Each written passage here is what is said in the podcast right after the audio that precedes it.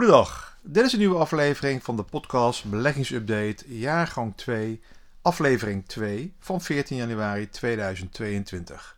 Mijn naam is Joost Boors. Na elke week een korte aflevering met al het relevante beursnieuws, alles over beleggen en vermogensopbouw. En deze week als praktijkcasus, welk effect heeft nou een renteverhoging op de beurzen? De week begon weer direct onrustig, met na een hogere opening op maandag steeds verder dalende index. Verleden week was dit ook het beeld. De rentestijging en de te verwachte verhoging van de officiële rente rond juni dit jaar zorgt voor een verschuiving van geld vanuit risicovolle beleggingen. Het vrijgekomen vermogen gaat ook niet direct naar obligaties, ja, want die dalen ook. Dus blijkbaar tijdelijk dan maar naar cash.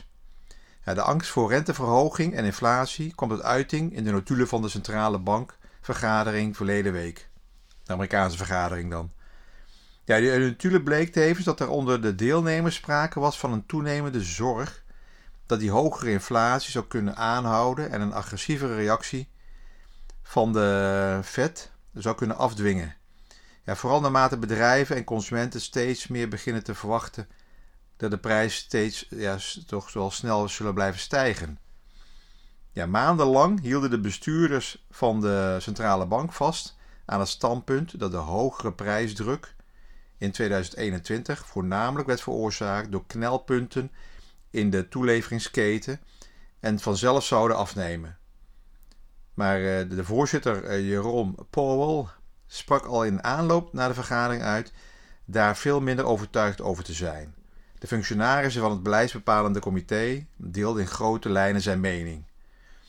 Oké, dus hun eh, bezorgdheid weerspiegelde zich in het besluit om de obligatieaankopen sneller terug te schroeven, of, oftewel af te bouwen. Elke uitspraak over rente en inflatie eh, door de centrale bank kan deze maand dus voor meer bewegelijkheid zorgen. Aandelen uit de IT-sector daalden gemiddeld zo'n 4%. Geen enkele aandelensector wist hoog te sluiten in Europa, al bleven de verliezen bij de sector energie en financiële waarde beperkt. Ja, mede door die zware weging in de index van uh, IT-aandelen. zo'n Atien die uh, denk ik zo'n procent of uh, 12 deze week gedaald is. ASML, ASMI, die ging ook zo'n 6, 7 procent omlaag. Ja, de Amsterdamse index al zo'n 2 procent deze week. En was daarmee een van de slechtst presterende beurzen. Op maandag verloor ze al bijna 2 procent. Eh, de AX reageert tegenwoordig sterker uh, op de trend van de Nasdaq dan de rest van Europa. Er vindt een hoog, uh, grote sectorrotatie plaats. de verschuiving van de ene sector naar de andere sector. de verschuiving in de voorkeur van beleggers naar hooggewaardeerde rentegevoelige groeiaandelen. Naar de lager gewaardeerde waardeaandelen. Dus dat past eh, naar mijn mening ook goed in de huidige omstandigheden van, van een bovengemiddelde economische groei, hoge inflatie en oplopende rentes. Dat is eigenlijk wat minder goed voor, letterlijk in het algemeen, voor groeiaandelen. En beter voor de eh, financiële waardes en energieaandelen. En ook wel cyclische aandelen. Nou, kijk maar naar de koersprong van, uh, van Egon, Nationale en Shell en bijvoorbeeld de ArcelorMittal. Egon is bijvoorbeeld uh, nu al in een paar dagen tijd zo'n 10% eh, in waarde gestegen. ik heb het al een paar keer uh, genoemd, ook vorig jaar, afgelopen maanden in een podcast, Egon en Nationale. Maar vooral Egon kan profiteren van de, de hogere rente. Maar alle financiële instellingen hebben daar behoefte aan. En met Egon ook natuurlijk een afname van hopelijk de oversterfte door corona. Ja, een voorbeeld van het leeglopen van het te ver, te hoog gewaardeerde technologiefondsen zie je terug in de koersbeweging van het uh, ARK-fonds, het ARKK-fonds van Katie Woods. Ja, zij belegt in innovatieve, disruptieve ondernemingen, maar na een eh, superstijging tot half 2021 is dit fonds nu al zo'n 45% in waarde gedaald. Ja, Katie Woods is uh, de bewierook, de fondsmanager, een aantal prijzen gewonnen de afgelopen twee, drie jaar omdat ze het heel erg goed heeft gedaan. Uh, vooral door uh, Tesla. Maar nu zit zij toch in de, in de hoek waar die klappen vallen. Ja, dit, uh, in dit beleggingsfonds zitten bijvoorbeeld aandelen als Zoom, Baidu, Roku, Tesla, Spotify, Coinbase, en nog zo'n 30, 40 tal andere bedrijven. Ja, in de eerste weken van januari komen ook veel bedrijven met een vooruitblik op voorlopige jaarcijfers. Nou, keer waren Philips en Just Eat deze week met vooruitzichten. Beide lieten lagere omzetten zien. De koers van eh, Philips zakte 14% op één dag eh, richting 29 euro. In aflevering 46 van 19 november vorig jaar heb ik uitgelegd wat de invloed is van claims op een bedrijf. Uh, en, wat dat doet met de, de koers van het aandeel. Het is een langdurig, claims een langdurig proces met bijvoorbeeld voor een buyer. Uh, die is nog steeds bezig met de, de Roundup claim. de koers van uh, Just Eat was al maanden aan het dalen.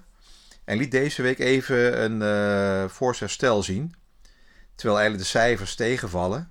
Just Eat draait met verlies. Dus, dus ze moeten het hebben van een sterk stijgende omzet. Hè, schaalgroot en groei en groei en groei. Maar ja, ook die, uh, die, die, die omzet daalde, stagneert. maar ja, waarom ging die koers dan uh, zo fors uh, omhoog? Dat komt door de eventuele verkoop van uh, twee onderdelen.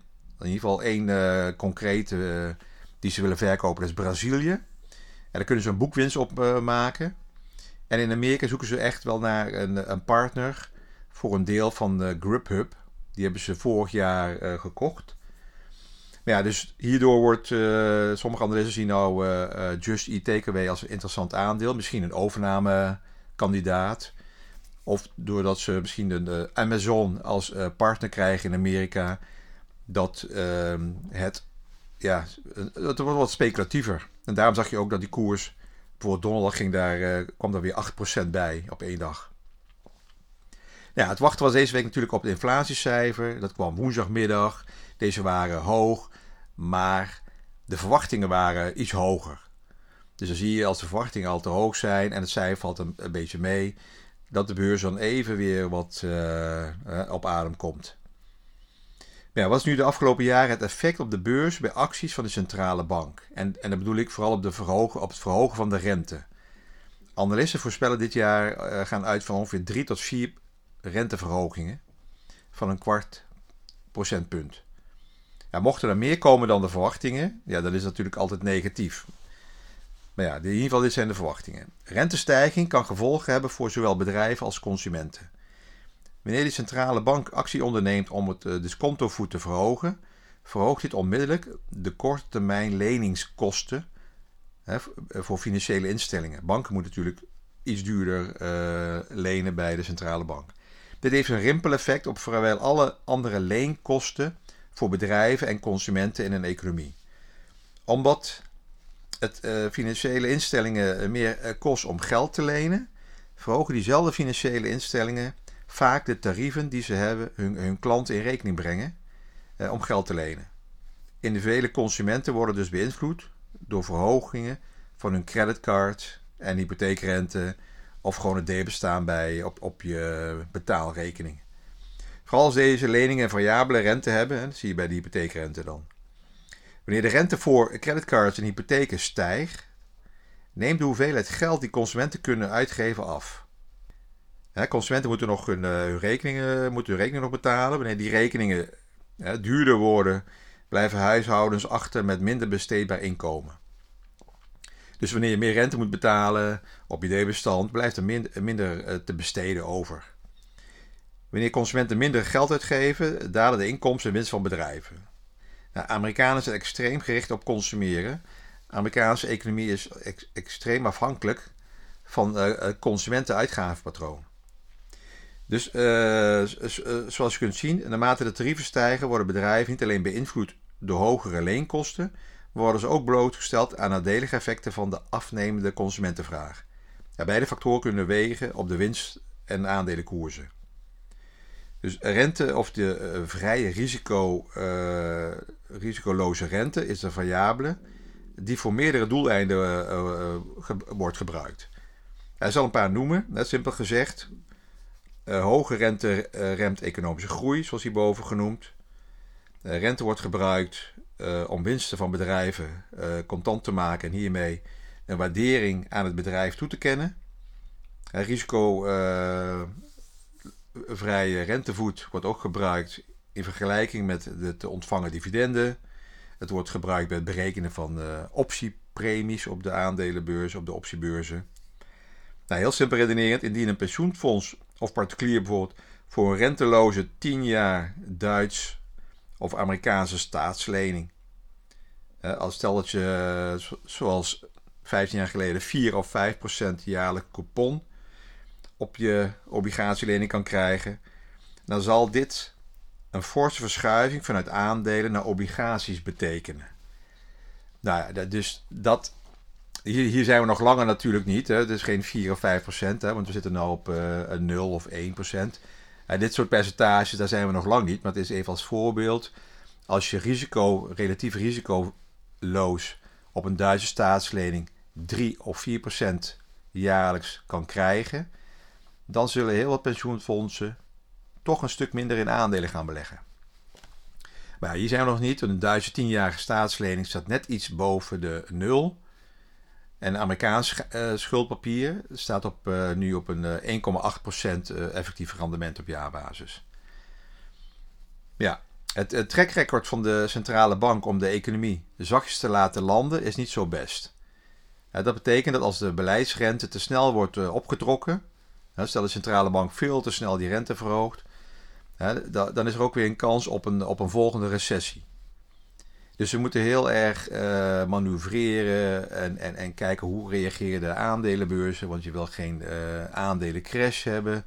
Maar je moet ook de economie helpen. Het is een, het is een uh, constant wikken en wegen. En vooral ook wat ze verbaal zeggen. doen. dat is belangrijk.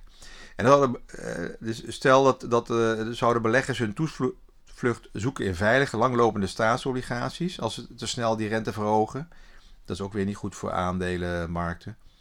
Uh, bovendien is de lange rente in de Verenigde Staten sinds begin dit jaar al met, met ruim 20 basispunten gestegen. Er waren veel beleggers al gepositioneerd voor hoge rentes.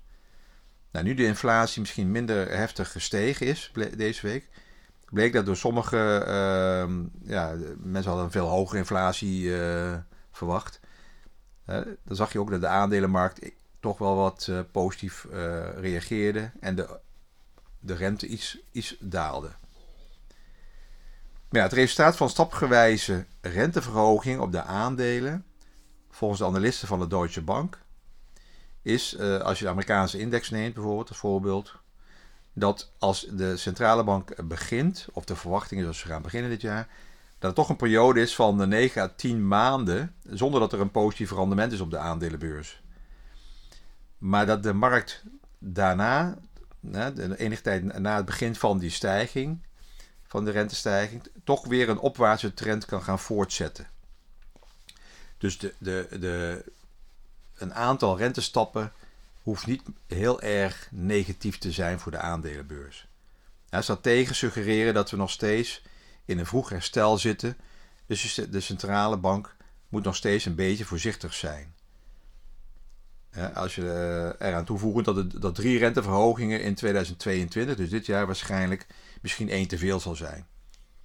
Er zijn ook andere strategen die geloven dat een, een kleine geleidelijke uh, renteverhoging de economische groei uh, zelden zal verstoren.